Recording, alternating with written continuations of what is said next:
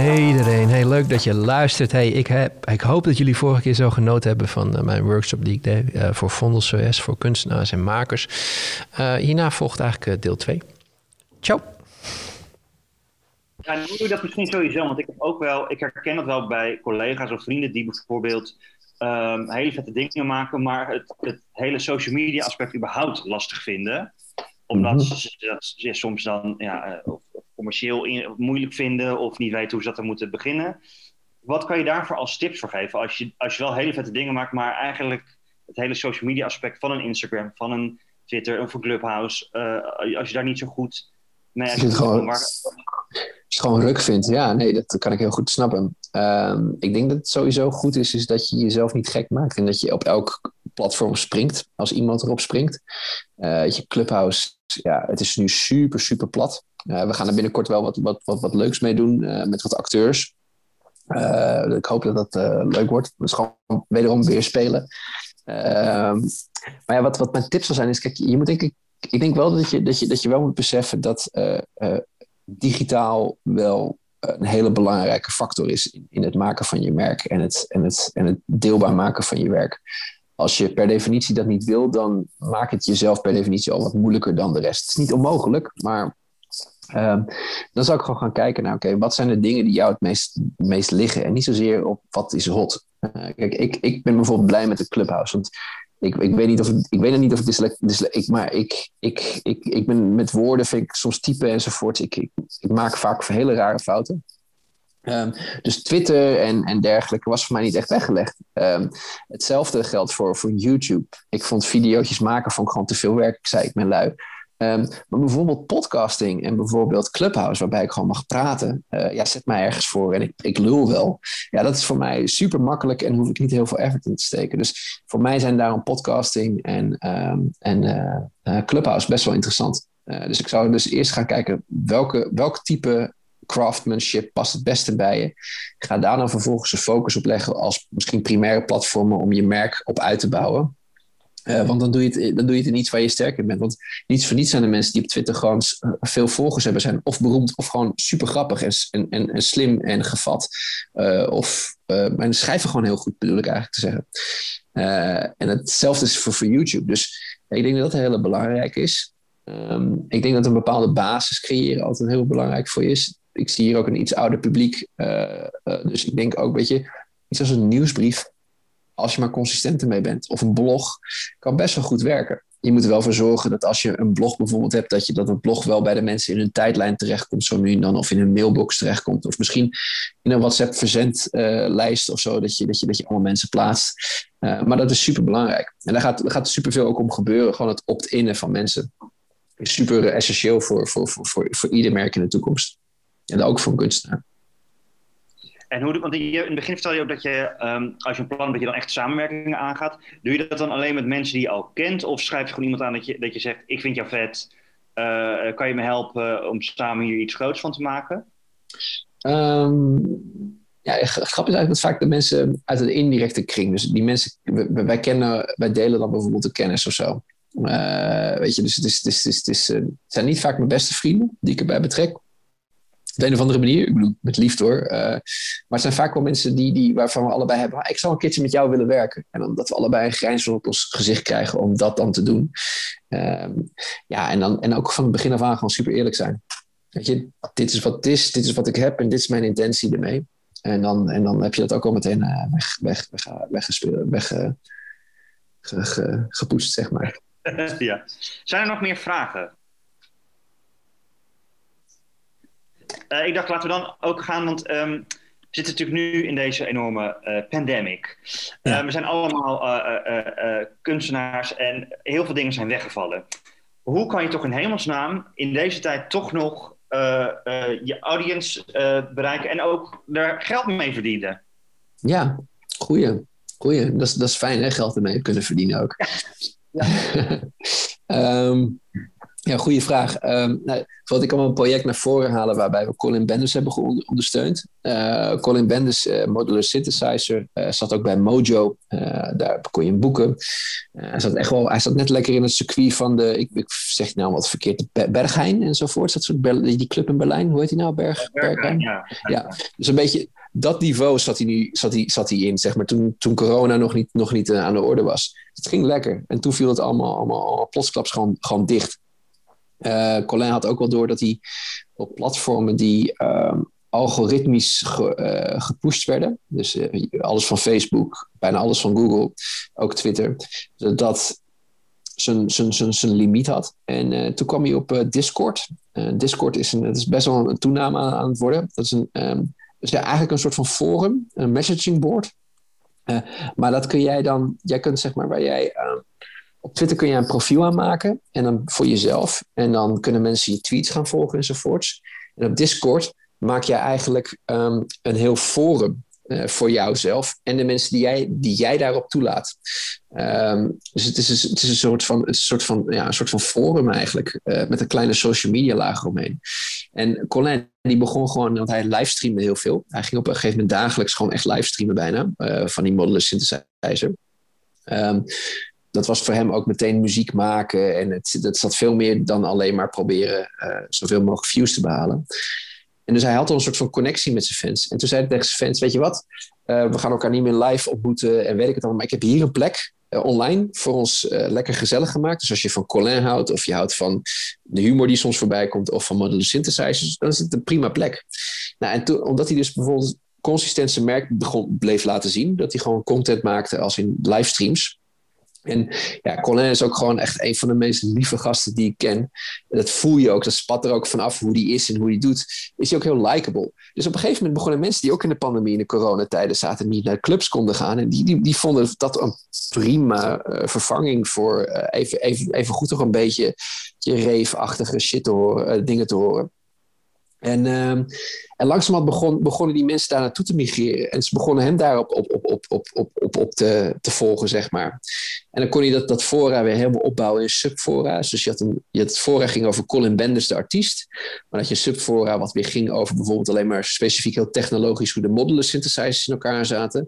Een andere ging heel erg over wanneer de livestream weer was. Een andere ging bijvoorbeeld uh, over elkaar ontmoeten. Dus er zaten ook weer mensen die weer vrienden met elkaar werden. En op een gegeven moment uh, werden katten bijvoorbeeld een, een, soort van meme, een soort van een inside joke uh, binnen zijn community. Wederom, door zijn fans heel goed te leren kennen, kwam hij erachter dus dat katten een meme werden.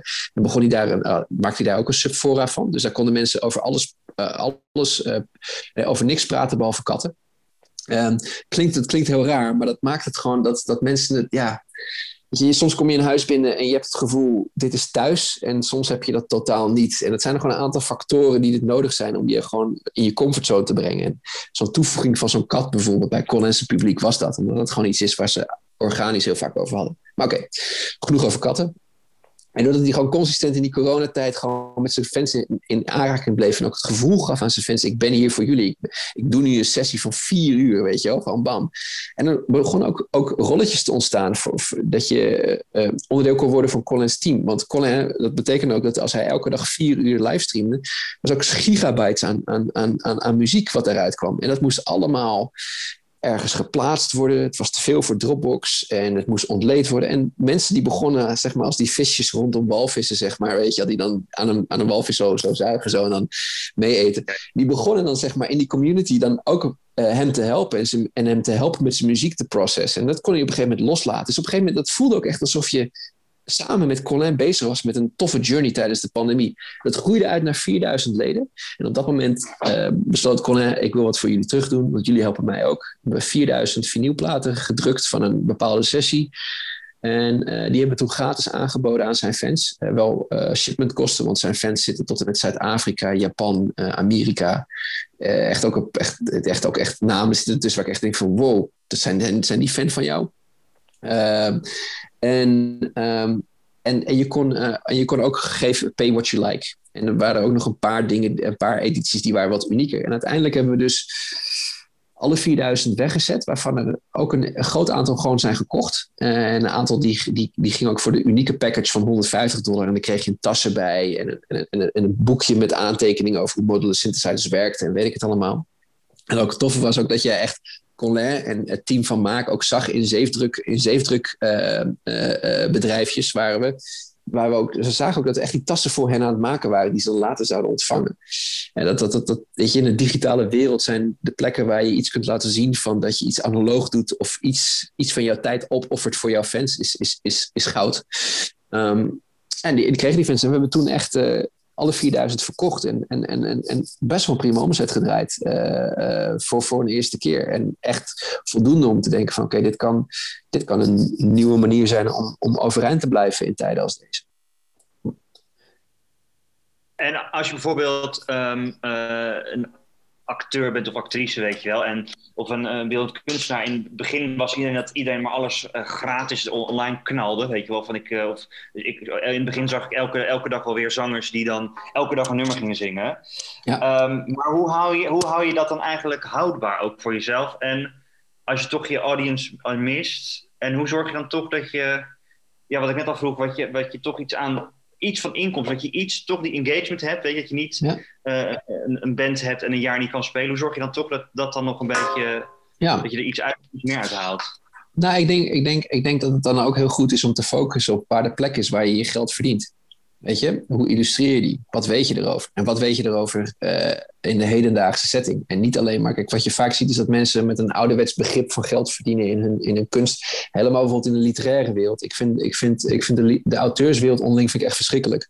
Uh, ik vind het heel leuk mensen individueel zitten, maar ze zijn als een soort van, het, crabs in de bakken, trekken ze elkaar de hele tijd naar beneden. En je moet maar blijven in die zweem van de jaren 70, 80. Uh, want toen was, liter, toen was het heel goed. En ik zie dat zelfs jonge talenten daardoor gewoon echt gewoon niet de volle potentie uit, uit zichzelf halen. Is, het is een soort van ongeschreven regel over wat je wel en niet mag doen. Het houdt ook innovatie tegen. En als je dan kijkt van oké, wat doe je dan bijvoorbeeld als beeldende kunstenaar in de hedendaagse tijd? Weet je, oké, weet, weet waar het vandaan komt, super belangrijk. Maar ga je ook echt verdiepen in waar het nu naartoe gaat. En waar dus de momenten en mogelijkheden zijn om, je geld te verdienen. Uh, recentelijk is NFT eh, naar voren gekomen. Dus dat je op de blockchain, ik weet niet of mensen daar bekend mee zijn. Dat je je crypto kunst kunt verkopen. Dat is echt, dat is echt voor heel, veel mensen is dat echt een, gaat, het, gaat het goud zijn. Uh, ik denk nog wel dat het nu zit in een soort van uh, toename. Het gaat denk ik wel verzakken en daarna gaat het normaliseren. Maar de blockchain maakt het dus mogelijk om digitale uh, varianten van, van, van film, van een foto, van een illustratie. van mij, en ik, ik, van een boek ook volgens mij, uh, om dat uniek te maken. Uh, dat er bijvoorbeeld maar eentje van is, of dat er honderd van zijn, uh, of dat er maar tienduizend van zijn. En dat bepaalt ook meteen de prijs. dus een, voorbeeld te noemen is dat, even kijken, recentelijk is er volgens mij, ik weet niet of het een Nederlandse kunstenaar was, misschien haal ik dat erbij, maar er is voor mij recentelijk een, een, een kunstwerk verkocht op de ja, crypto kunstwerk voor 1,6 miljoen dollar. En het was gewoon een animatie van ongeveer 30 seconden volgens mij.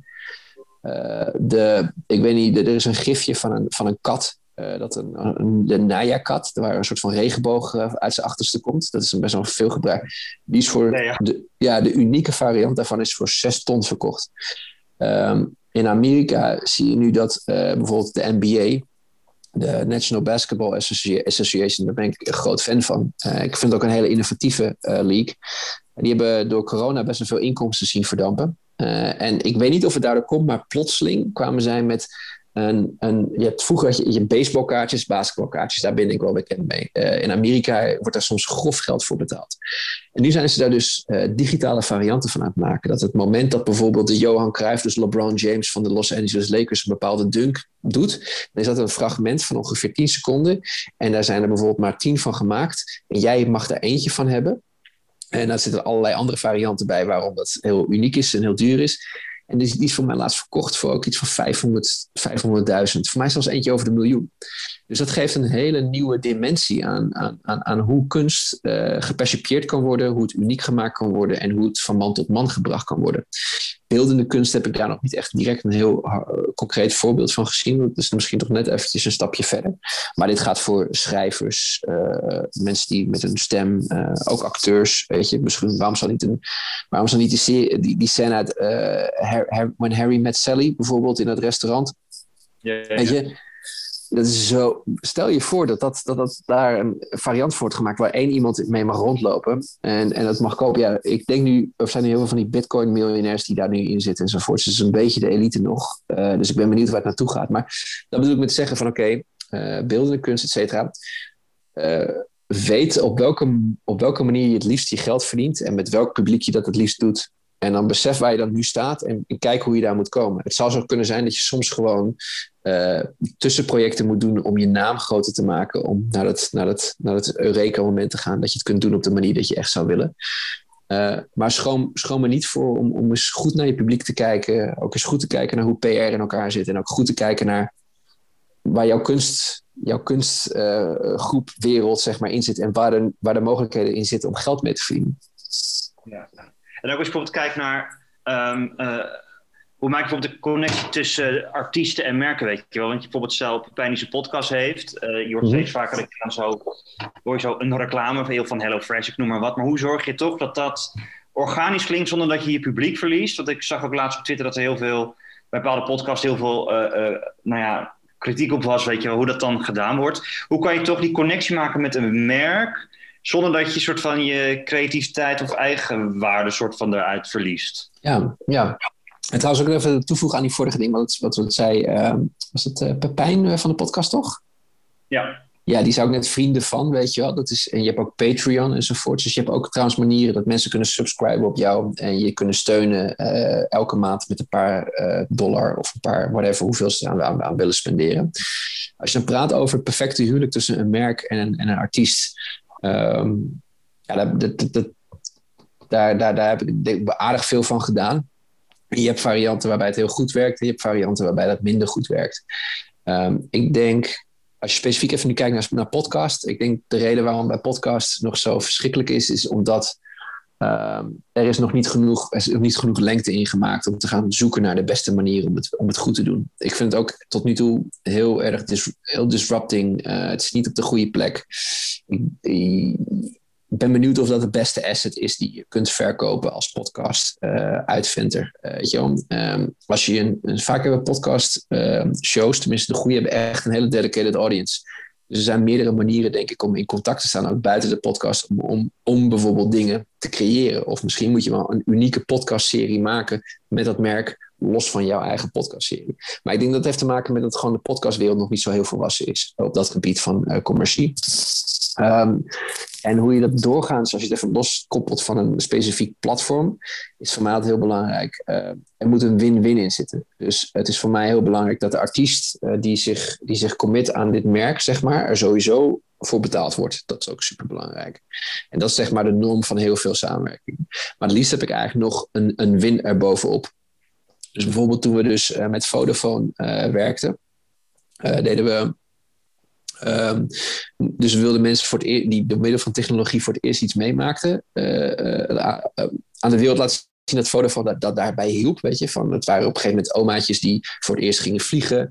Het waren ook twee omaatjes, die, twee zussen die met elkaar via de tv... eentje zat in Nieuw-Zeeland of Australië en eentje in Nederland. Het was een hele leuke tv ook. En in het geval dus van het meisje dat doof was... Ja, we gingen zoeken naar de juiste artiest. En we kwamen ook bij een aantal van die ja, singer-songwriters, weet je wel, die dan op een uh, gitaartje zo, uh, zo staan. En ja, iedereen vond het wel charmant en leuk, weet je, en mij, een doof meisje haar eerste concert geven. Maar de enige die er echt op aanging verder was, was, was Kiteman Colin. Omdat hij is zo'n muzikaal dier. Hij vindt muziek en hoe de muziek interacteert met de mens, dat is echt, dat is echt voor hem een soort van, daar, dat is een laboratoriumplekje eigenlijk, waar hij heel graag in experimenteert. En toen hij begreep dat dat ding, die, dat, die, die, dat, die plug-in op een andere manier frequenties uh, tot zich nam. En dat, dat instrumenten op een andere manier bespeeld moesten worden. En dat sommige noten niet, niet, niet werden geregeld. Wow, hij had eigenlijk een hele nieuwe uitdaging in zich. Dus ja, hij kreeg er geld voor, want er werd gewoon, hij werd gewoon hard voor gewerkt van kwaliteit. En je gebruikte zijn naam. Maar er was voor hem ook echt, zodra hij dan bij Bert dan aan tafel zat, uh, het was de enige mediaoptreden wat hij überhaupt echt wilde doen op tv. Wat ik ook snap. Maar dan kon hij daar ook echt heel oprecht over praten. Dat je, iedereen geloofde hem ook. En het ging daardoor ook niet ten koste van zijn eigen merk. Um, dus dat is voor mij super belangrijk. Er moet een soort van dubbele win zitten in, in, aan de kant van de, van de uh, um, maker. Uh, als je iemand bent die zo van mij, als je voor mij Fresh Forward, voor mij, hoe heet het nou? Um, Fresh, Fresh Today, Hello Fresh, het is voor mij via een dag- en nachtmedia-achtige partij. Ja. Ja, uh, ja, dan, dan, dan zit je toch wel aan andere type contracten vast enzovoort. Dan moet je denk ik ook wel misschien op bepaalde momenten, je zult het misschien ook wel nee mogen zeggen, maar je, je gaat dat met zo'n dag en nacht media deels aan om dat soort adverteerders op je af te laten komen. En dan ga je vaak wat voor meer minder unieke voor mijn merken, volgens mij. Tenzij je echt zo'n grote bent als Sander Schimmelpennik, die dat voor elkaar kan krijgen. Um, maar dan moet je ook gewoon vaak, dat zag ik bij Vice tenminste gebeuren met websites. Uh, dan moet je er toch wel vaak kan je niet heel uniek in gaan. Want je bent een van de meerdere die, die, er, die er wat mee moeten doen. Ja. Uh, Chris had ook nog een vraag. Ja, uh, ergens, ik, ik, weet niet helemaal uh, hoeveel zijstraat terug. Um, mm. Ik vind het super interessant, dus ik ben heel, heel blij met dit hele gesprek.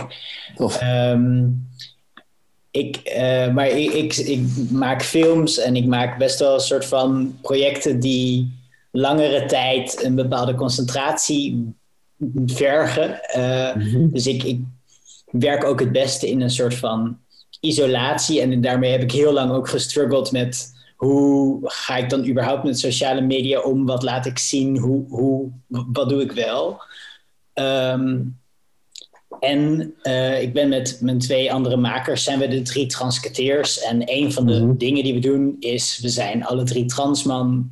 Uh, en, en we vertellen dat. Um, en we hebben een aantal projecten gemaakt over transgender personen uh, en over genderdiversiteit. Maar waar ik tegenaan loop is dat, dat transgender, dat blijft iedereen, bij iedereen hangen echt als, als honing. Maar dat ik mm. filmmaker ben, dat, dat vergeet iedereen ook gelijk weer. Mm. Ja, en dat ik denk van shit, ja. ik wil gewoon, ik wil als filmmaker in de picture staan en niet als transgender ja. in het wild. Ja. Uh, maar dat is blijkbaar wat iedereen nodig heeft nu.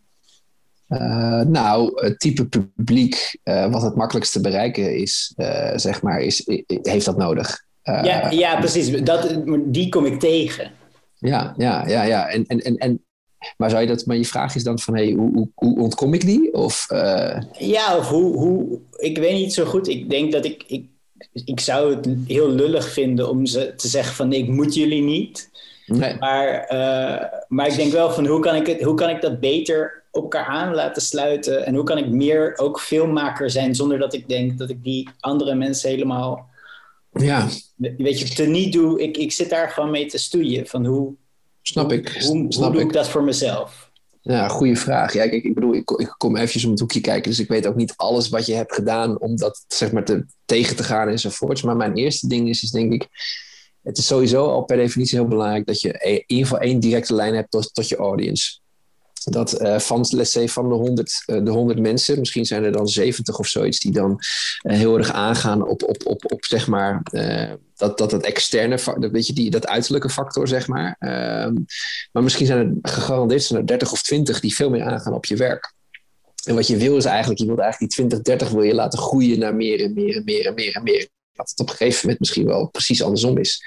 Uh, er zullen altijd wel uh, mensen, denk ik, afgaan op, op, op de unieke uh, proposities die, die er in de wereld zijn. Kijk, als jij jezelf zo presenteert natuurlijk, dat, dat wijkt misschien voor sommige mensen iets af van de, van de normale norm die ze zouden verwachten. Dus meteen zijn ze van, hey, oh, dit wijkt af van norm, is interessant, ik wil daar meer van weten. En dan gaan ze daarop aan. maar dan gaan ze niet zozeer aan op jou. en, en, en, en ja, weet je, ik, ik heb dat een keer, ik hoop dat we misschien daar kunnen brengen, maar ik heb het een keer met Teske, uh, dat is een uh, YouTuber. Um, die heb ik heel lang gemanaged. was eigenlijk mijn eerste YouTuber die ik managede. En um, zij, um, wat, haar, wat haar uitdaging was, ze was begonnen toen ze 12 was met YouTube. En we waren ongeveer, ze was toen 19 ongeveer toen we bezig, echt waren, bezig waren met muziek. En ze had gewoon een hele grote groep, een hele grote audience, die, ehm, die, die heel erg aanging op haar oude content. Dus dat bijvoorbeeld een, een ik ga hem proberen terug te brengen naar, naar, naar, naar nee, film. Maar ik denk en, dat ik snap wat er gebeurt. Ja, en toen, en, toen, uh, en toen had ze bijvoorbeeld één format en dat heette proefwerk. En dat, was, uh, dat ging ze snoep proeven van een bepaalde categorie. Japans snoep, uh, Amerikaans snoep. Wat maar ook de hele tijd dat, met dat hoge stemmetje zo. nou, nu ga ik dit eventjes eten. En maar dat is zeg maar dat hoge stemmetje, zeg maar, dat heel vaak in kindercontent zit. Hè? Dat zit een soort van hoog stemmetje. Een soort van, mijn, mijn meisje van vier, weet je, die gaat ook aan op hogere stemmetjes. Het karakters hebben dat op een of andere. Dus maar zij zei van ja, maar ik ben nu gewoon ouder aan het worden en ik kan dat gewoon niet meer, Omar, weet je wel. En uh, ze was toen echt een van de top vijf, denk ik, uh, aan een aantallen, uh, vroege aantallen van Nederland, van vrouwelijke YouTubers. Maar ze zei, ik wil er niet meer, dus we kappen ermee. En dat betekende dus echt meteen dat je dat, je dat zegt, dat flink veel van de inkomsten gaan dalen. Maar ze ging gewoon content maken die een audience niet begreep. Ze ging dichten, ze ging whatever enzovoort. Het is echt een journey geweest hoor, van drie, vier jaar. En het was ook fucking eng, want volgers gingen weg, uh, engagement ging naar beneden, inkomsten gingen naar beneden. Maar ze was wel gelukkiger als mens. En uh, ze begon eigenlijk steeds meer te maken, meer naar voren te brengen wat zij belangrijk vond en waar de focus naartoe moest gaan.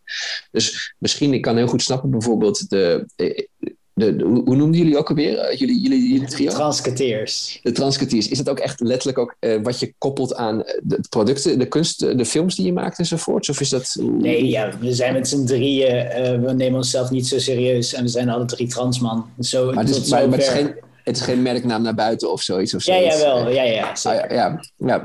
Dus wat je misschien kan doen is zeg maar, kijk, in eerste instantie hebben jullie, hebben jullie dat, uh, ervoor gezorgd dat jullie misschien een meer opvielen en wat de audience oppakte. Nu kom je erachter dat het audience wat je hebt over, overwegend die factor interessant vindt. Dus misschien moet je langzaam die merknaam en, en wat jullie op dat punt zo uniek maakt naar achteren laten. En steeds meer gewoon het werk naar voren laten komen en, en het daarover laten gaan. Uh, er zijn een miljoen wegen om dat te doen. Mm. Uh, maar ja, kijk, uh, ja, kijk Ali B, Ali bijvoorbeeld, die, die, die presenteerde zich eigenlijk vanaf het begin af aan tot en met nu toe heel erg als die. Het Marokkaans zijn is een heel belangrijk onderdeel van hem, zeg maar. En ja, op een gegeven moment weet je ook niet, je, ja, vinden mensen je nou leuk omdat je die Marokkaan bent, of omdat je gewoon een hele goede cabaretier bent, of een hele goede rapper bent, of een, weet je, en ik denk bij hem werkt het gewoon, weet je, en ik, ik, ik, ik, ik heb met respect voor wat hij allemaal heeft bewerkstelligd, en ik denk gewoon dat hij daar gewoon goed gebruik van maakt, maar ik kan heel goed snappen wanneer je echt meer een, een soort autonome maker in je schuilt, uh, en, en het niet alleen maar gaat of je uiteindelijk een Bentley kunt kopen of iets, ja, dan, dan, dan, dan is het gewoon. Dan, dan, dan zou ik dat niet, niet, niet te lang gebruiken. Misschien in het begin als een, als een breekijzer, maar probeer het dan op een gegeven moment naar de achtergrond te gaan. Het mag nog best wel erg staan of zo, weet je. Je mag ook trots op zijn, daar niet van. Maar je, je, je zet jezelf al meteen heel erg in de hoek. Maar misschien, en dat zeg ik, ik weet niet alles hoe je jezelf presenteert, maar dit komt bij mij nu uh, heel erg naar voren als, je, als hoe je jezelf presenteert. Mag ik daar iets aan toevoegen? Ja, tuurlijk. Ja, ik dacht ook van je, je kan natuurlijk dat, dat trans of, of die, die wat heel erg lokt, jouw publiek lokt, kan je ook betrekken op je, um, in een zekere zin van wat betekent trans voor een film? Want trans betekent um, verwachtingen en het breken met verwachtingen ook. Um, wat, hoe, wat kan dat betekenen binnen jouw films? Wat is een transfilm in, in een zekere zin? En dat je op de een of andere manier de, thematiek van het trans zijn heel erg betrekt op beeldcultuur of zo. Uh, en, en breken met, met de rollen die we moeten spelen of zoiets. En op die manier breng je meteen een soort van een hele rijke associatieve um, uh, uh, connectie die misschien, misschien wel die mensen kan openen voor, voor, voor, die beeld, voor jouw beeldend werk. Ja, dat is ongeveer waar ik nu ben, inderdaad. Ja, dat het, uh, tof. Inhoudelijk uh, speel, speel, speelt het over. Maar, uh, nee, maar goed om daar heel even hardop over na te denken. Zo. Thanks. Ja, zeker. Top. Ik, ik nog... dacht omdat um, jij buiten artiesten ook uh, bedrijven en zo hebt, uh, hebt begeleid. Waaronder ook uh, het Rijksmuseum. En ik dacht, hoe kan je van zo'n statuut, wat toch zo heel erg um, serieus is. En, en eh, hoe kan je dat toch toegankelijk maken? En zeker voor een jongere doelgroep bijvoorbeeld. Of voor een doelgroep die daar misschien nog niet ehm, naartoe zou gaan. Hoe hebben jullie dat, of hoe heb jij dat met maken gedaan? Uh, goeie vraag. Ik, even, ik weet niet of ik dan de moderator doorbreek, maar ik hoorde van mijn Dominique nog iets zeggen of niet. Uh, voordat, of had ik het verkeerd? Ja, ik heb nog een, een, een aftakvraag, um, maar die kan hierna wel op zich. Oké, okay, oké. Okay. Ja. Super. Um, ja, nee, dus wij, wij, wij, wij, wij doen uh, vanuit maken, uh, beoefenen we de marketing. Uh, marketing is voor, voor, voor een aantal bedrijven en organisaties. Marketing heeft best wel, is best wel een vies woord, omdat het best wel vaak het wordt beoefend door vieze partijen.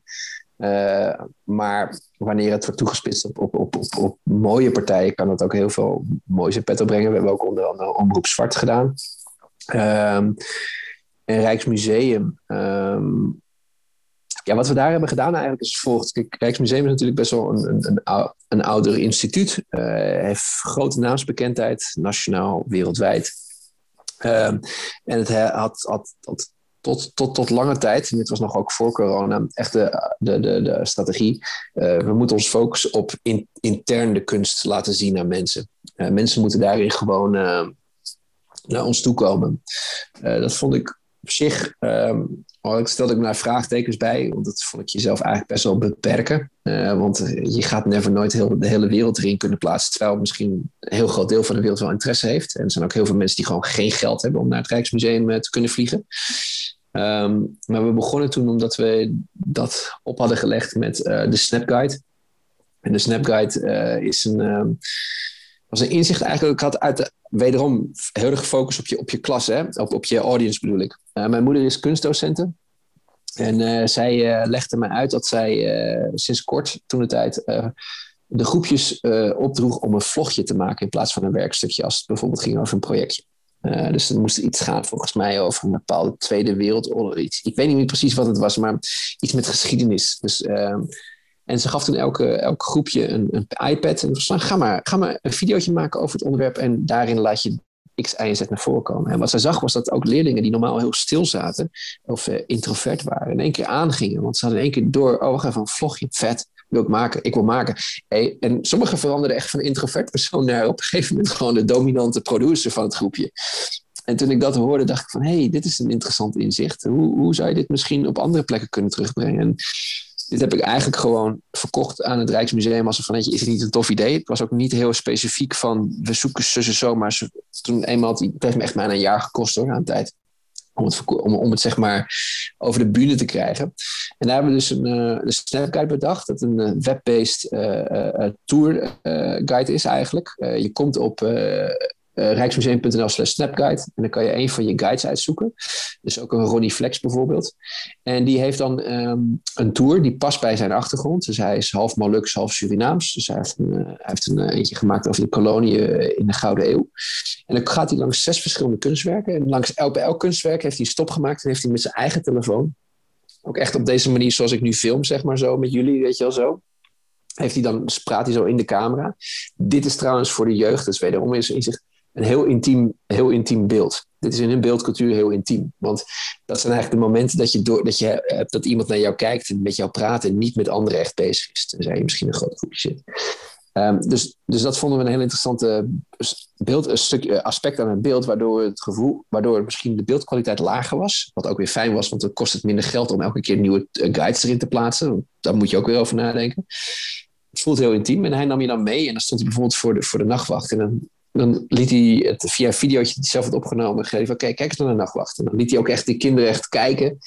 Oké, wat doet die man? Die loopt daar een biet tikken en die daar de laatste pipa. En, en, en, en op een gegeven moment was de vraag bijvoorbeeld: uh, wie is de meest machtige man op dit schilderij? En vertel me waarom. En dan werden dus de, de, de jonge uh, uh, mensen die werden dan gevraagd om de Snapchat te openen of Instagram. En daar heb je natuurlijk allemaal tools en TikTok ook tegenwoordig waarbij je filters kunt plaatsen. En die kunnen daarmee hartstikke mooie video's maken.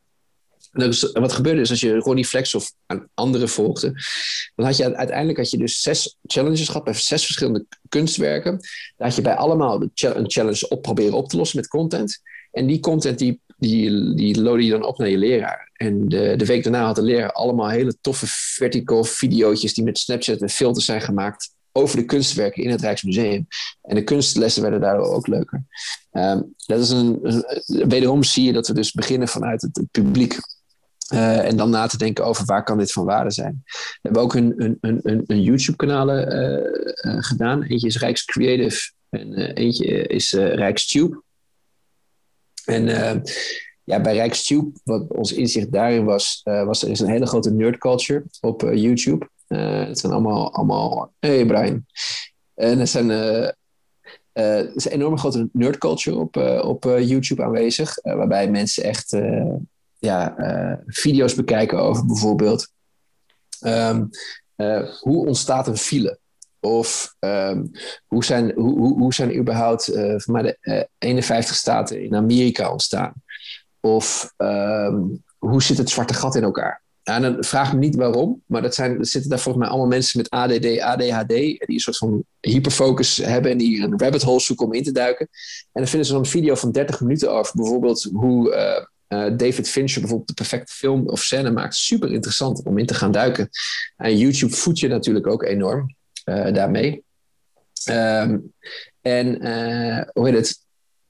Um, YouTube voedt je dan daar vervolgens heel erg mee. En, en ja, die creëert dan zeg maar dan een, een, een omgeving waar je dus helemaal in zo'n rabbit kunt duiken. Dus wij hebben toen de, de, de Rijkstube gemaakt. En dat ging, daar probeerden we eigenlijk te kijken of we dus dat soort ja, rabbit hole video's konden maken over bepaalde onderwerpen. Waar, uh, waar het hele publiek mee eh, in kon meeduiken, zeg maar. Uh, en wat we deden was dat. Um, klopt het trouwens? Of ik zie nu eigenlijk alleen nog maar één iemand. Of. Kijk hoor. Oh, ik zie, ik zie nog iedereen. Ja, oh ja, daar ben jij. Ah ja, oké, okay, cool, cool. Uh, dus ja, ik zit op mobiel, dus ik zie maar e- elke keer degene die het laatste geluid maakt. Um, dus dus, dus uh, wat we deden, excuus, ik raak eventjes even het spoor bijster. Een inzicht wat we hadden was dat mensen heel snel op popcultuurfenomenen klikten ook op, op YouTube. Dus bijvoorbeeld, er is een nieuwe trailer van Avengers Live interessant. Of bijvoorbeeld nou, hoe David Fincher bijvoorbeeld een, een, een, een, een, een, film maakt. Want toen was, hoe heet die serie op Netflix? Als we het hebben over kijktips, over die serie Moordenaars. Um, ja, dan gaan ze, doen ze het eerste werk voor de FBI op zoek naar hoe een serie moordenaar in elkaar zit. Dus van David Fincher. Man, ja, juist die, ja. Mindhunter. Mindhunter, ja. Fantastische serie. Dat is mijn tip dan sowieso voor deze. En, um, en dat was hot online. En je zag zeg maar aan de achterkant dat, uh, dat uh, vervolgens uh, dat, daar, dat daar de metadata en, en de trendings en, en de ogen naartoe gingen en de aandacht naartoe ging. En wat heel tof is, dat David Fincher op een bepaalde manier met zijn kleurenpaletten omgaat. En die kleurenpaletten zijn weer terug te brengen naar een kunstenaar die zelfs Vincent van Gogh heeft geïnspireerd in zijn werk. En die verbonden wij dan aan elkaar, waardoor de thumbnail in de video oogt alsof het gaat over David Fincher. Maar we maken al een, klein, een kleine uh, kijkje dat we het ook gaan hebben over kunst en waar het vandaan komt. En na uh, de eerste 30 à 40 procent van de video word je dan langzamerhand naar die kunstenaar getrokken en langzamerhand naar het domein van Rijksmuseum. En, zo hebben we denk ik 25 video's gemaakt. Uh, sommige van mij over de, tegen de 100.000 views ongeveer. Uh, ja, en dat, dat, dat, dat werkte heel goed voor het Rijksmuseum toen de tijd. En ze hadden, hadden zij ook al wel dan die, die subscribers al die al heel hoog waren of niet? Nee, nee, dat hebben we helemaal vanaf het begin af aan eh, opgebouwd met ze. Dus we hebben Rijks Creative gedaan en Rijkstube. En, um, en, en, bijvoorbeeld bij Rijks Creative en Rijkstube maakten we soms gebruik van uh, kanalen waarvan we wisten dat de audience ook op was.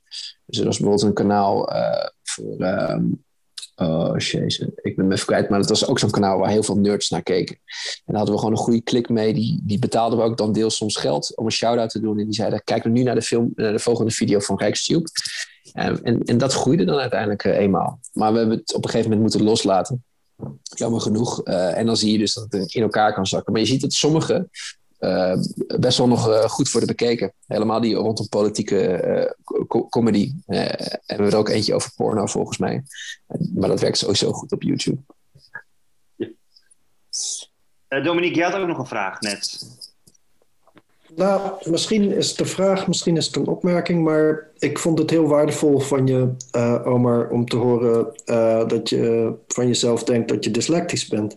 Want ik denk dat het uh, grote probleem van heel veel beeldend denkers is dat ze slecht zijn in schrijfwerk, mm -hmm. omdat ze in beelden denken. En ehm, mijn vraag eerder ook van, moet je een persbericht schrijven? Um, komt daar ook vandaan. Want ik, ja, je, had het over Tinkerbell. En ik weet van Tinkerbell, zij is een monster qua PR. Ze is continu aan het tweeten, continu aan het schrijven. Ze schrijft boeken, ze schrijft continu persberichten. En um, ik denk dat heel veel beeldend makers uh, echt een hele grote drempel hebben naar dat schrijfwerk. En daarom denk ik dat ook heel weinig, dat er maar 5% van de makers kan leven van hun maken. Ja, goede, goede inzicht, goed inzicht. Binnen de beeldende kunst. Um, en ik vind het heel leuk om te horen van, oh ja, je, ik heb bijvoorbeeld ooit uh, ben ik een webwinkel in Geert Wilders producten begonnen. Om oh, vet. weer tijdens de cultuurbezuinigingen om kunst weer bij Henk en Ingrid te brengen. Um, webwinkel met uh, deurmatten, welkom Geert Wilders, uh, kop erop, uh, tuinkabouters, beddengoed, alles en nog wat. En, Fantastisch, waarom heb ik er niet over gehoord?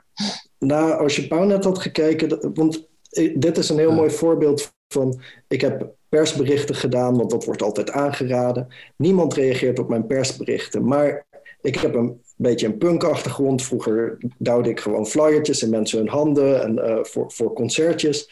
En dat heb ik ook met die Wilders Webwinkel gedaan. Ik ben naar debatten gegaan met een bord voor en een bord achter met, met, met een poster erop. Ja. Uh, en, en voor de balie staan, staan flyeren. En daar was toevallig dan Pownet. En die ah, waren ja. een politicus aan het stalken. En die, ik heb nooit van Pownet gehoord. Ik, ik leef onder een mediasteen in een zekere zin om mezelf zen te houden. Maar... Met een gelukkig mens dus, ja. en uh, zij zeggen van, oh, wat is dat dan? Ja, uh, nou, een webwinkel in Geert Wilders producten om kunst bij het volk te brengen. Maar het is wel met een knipoog. Oh ja, misschien kunnen we er wat mee.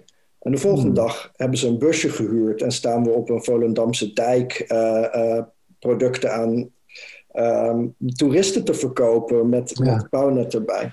Um, en ja, dat is in een zekere zin zo'n zo'n klein schandaal creëren, waardoor je opeens, ja, wat ja. is dat, miljoenen uh, kijkers hebt. Ja. En toch, ja, en ik, ik vind dat heel waardevol van wat je zegt. Nu, nu zit ik bijvoorbeeld, kamp ik met het probleem van een paar jaar dat projecten hebben gedaan. Um, er komen weer verkiezingen aan ik wil die rechten van de webwinkel verkopen. Uh, hmm. ik, ik wil iemand anders, ja, ik weet niet, voor, voor 20 bitcoin is het van jou. Um, en uh, mij, mij lijkt het, ja, maar van hoe, ja, ja dat, deze tijd kan je niet zomaar bij een debat kan, uh, gaan staan of zo. En je moet toch, ja, dat, dat, hoe plug je zoiets in social media? Ik vind het, ja, ik vind het inspirerend van wat je zegt. Ja, ja het, is, het is een beetje wat ik net zei, weet je, als die, die kluis open, open, open trekken. Je, je gaat gewoon nadenken over een aantal scenario's. Bijvoorbeeld, je zou nu één scenario wat in mijn hoofd opkomt, zeg maar. Stel je voor, je koopt op een of andere manier weet je ergens een advertentie te plaatsen of iets, iets, iets fix waarbij je eigenlijk gewoon uh, tegen dumpprijzen wildersproducten uh, of zoiets. Weet je, dat je een hele grote, een hele grote bende hebt aan, aan dat soort wildersproducten en dat je dat de, van de man af moet brengen. Wie wordt de koper? Weet je, 20 bitcoin dat is op zich alleen al een, kop, een koplijn, een, hoofdlijn, een, een, een, krantenkop op zichzelf, zeg maar, weet je wel. Ja. Um, en dan zou ik, en, en, maar dan ga je ook weer nadenken, oké, okay, als ik dat doe en mensen zeggen, dan klinkt als een dumpverkoop, dus misschien zal het nooit die 20 bitcoin aantikken, uh, want dan voelt het alsof je er vanaf moet, weet je, dus dat heeft, dat, dan, dan werkt die misschien niet, maar dan een aantal van dat soort variaties ga je gewoon, ga je gewoon mee spelen, eigenlijk mee puzzelen. En op een gegeven moment dan, dan valt het kwartje. En als je bijvoorbeeld wat ik deed, is namelijk een tekst, zeg maar. Ik vond het dus ook moeilijk. Um, wat ik ook al voorstel is dat je, ik heb, ah, ik heb één iemand in mijn omgeving die ik altijd heel lief aankijk. En ik, ik, ik, ik, moet eigenlijk gewoon ervoor zorgen dat hij gewoon elk jaar, gewoon als hij jaar is, gewoon een cadeau krijgt. Want ik weet dat ik dan de rest van mijn leven zo nu dan kan aankloppen voor als ik een gek idee heb en ik heb even een, dienst, een scherpe pen nodig. Maar misschien kan je ook wel Misschien heb je ook een klein collectiefje of, of een bevriende kunstenaars. Misschien kunnen jullie met z'n tienen of met z'n vijf of met z'n twintigen één PR-persoon bijvoorbeeld aanschrijven. En vragen van, hey, weet je wel, uh, als wij um, elke keer als één iemand van ons bijvoorbeeld iets heeft en wij leggen de, en er moet een persbericht voor gemaakt worden en we leggen alle, allemaal 50 euro in of zo, I don't know. Kan jij dan, weet je, en dat je elkaar dus ook helpt, weet je wel. Ik noem even ja. iets geks. Ja. Ja, heel goed idee.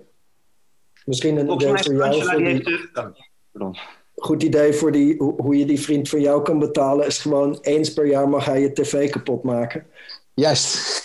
Simpel zat. Ja, ik had de tv kapot gemaakt van iemand anders. Hè. Ja, dat Dus, eh, ja. Oké, thanks. ik heb geen tv trouwens. Volgens mij heeft Angela haar hand opgestoken om iets eff- eh, voor een vraag. Yes. Ja, ik heb niet per se een vraag. Hoi. Ehm, Hey, hey. hoi. Ik wilde eigenlijk alleen eh, wat zeggen, want ik had geen idee dat jij achter al die programma's zat van het Rijksmuseum. En eh, sowieso vind ik het heel inspirerend eh, wat je allemaal vertelt. Ik leer ontzettend veel in, eh, in deze meeting, dus eh, dank je wel daarvoor. Mhm. Ehm, maar ik, ja, ik wist dus niet dat je achter Rijkscreators zat. En ik heb daar dus Ben jij van die blauwdrukken? Eh, Ja, toch? ik ben van die blauwdrukken. Ja, zie je, ik, ik, ik zat te twijfelen. Ik wilde net misschien zeggen van, ben jij het? Maar ik denk, eh, nee, ja, dat, dat klopt, dat hebben wij ook gemaakt. De Rijkstube was echt wel meer echt waar wij de volledige vrijheid kregen. En Rijkscreative was echt wel meer wat, wat eh, het Rijksmuseum echt wilde. Ja, Eh, dus, maar ja, zeker. Het, het- je ziet het ook niet tijdens corona. Ook in de comments zie je ook echt dat mensen het echt fijn vinden dat, dat, er, dat het er is enzovoorts. Echt Ja. leuk om te zien. Ah, leuk, leuk dat je het mentioned. Ja, Gaat het heel goed voor de leuk. rest met je? Ja, het gaat goed. Ik heb dankzij jou nu heel veel werk, want ik word overal opgezet online bij het Rijksmuseum met eh, online programma's. Eh Nice. dankjewel voor het. eh, Heb je zelf Overhalen van het programma. Ja, vet. Leuk om te horen.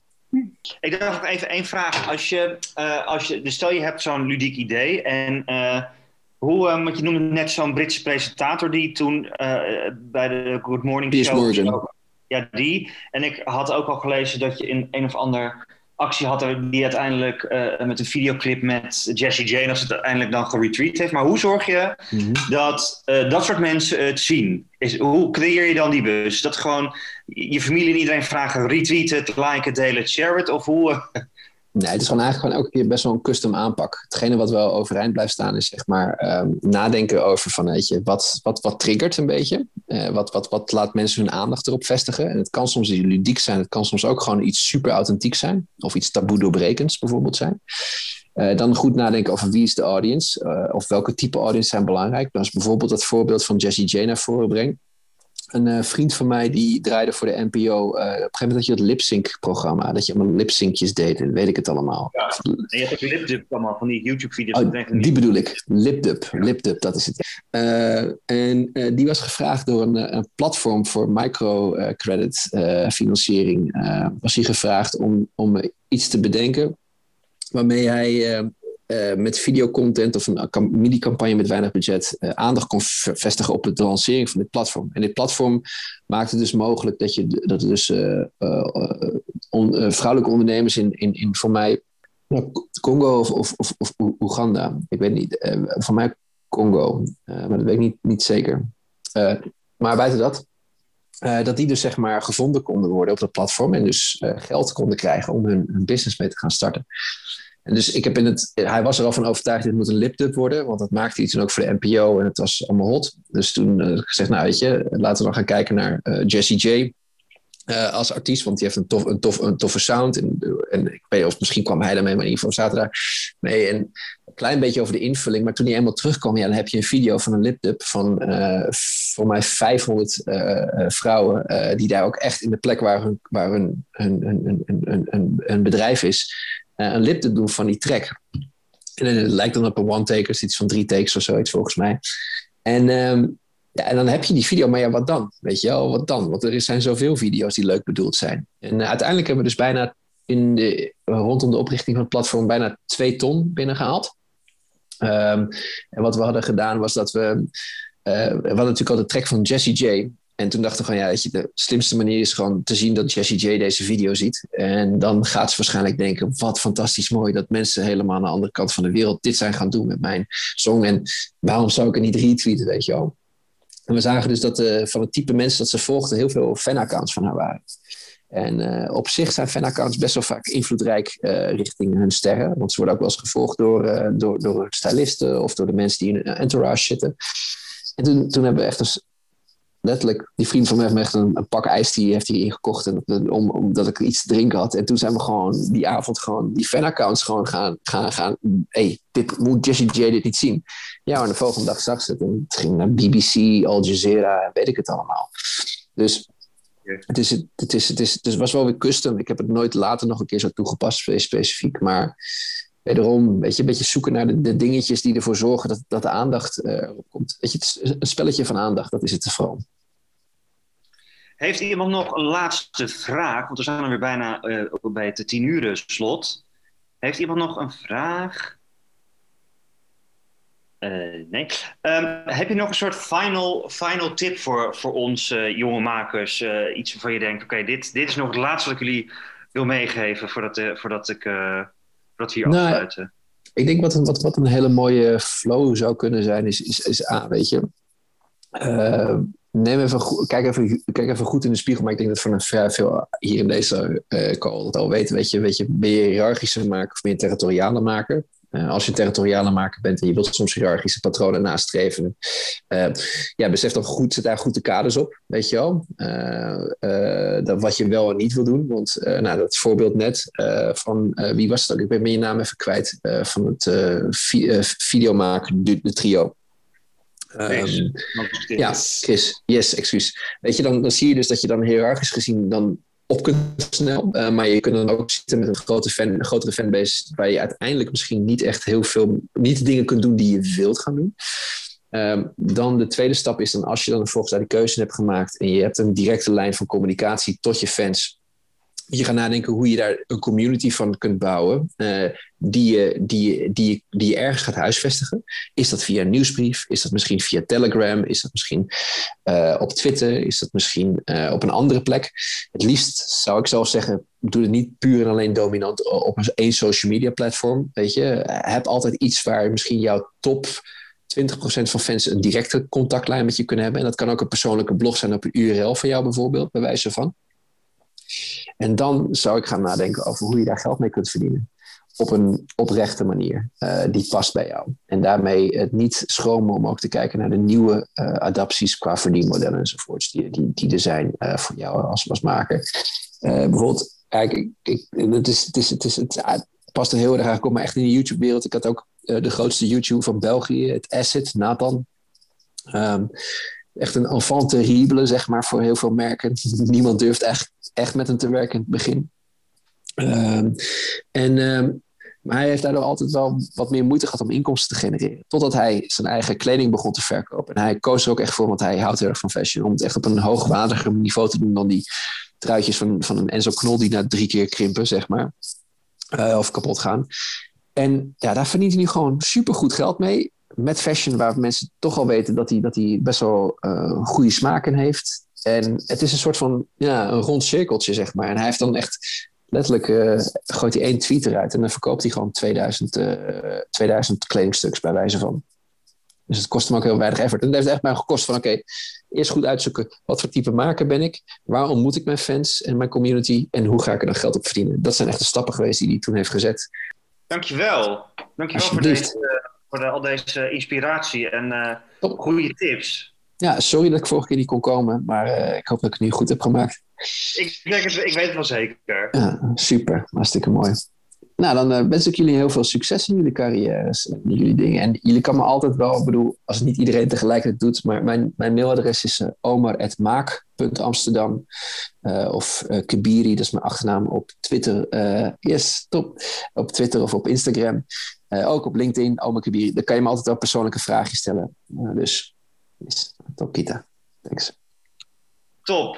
Yes. Heel erg bedankt. Super. Oké, okay, guys. Fijne avond. Goedenavond nog allemaal. Hoi, hoi. Ciao.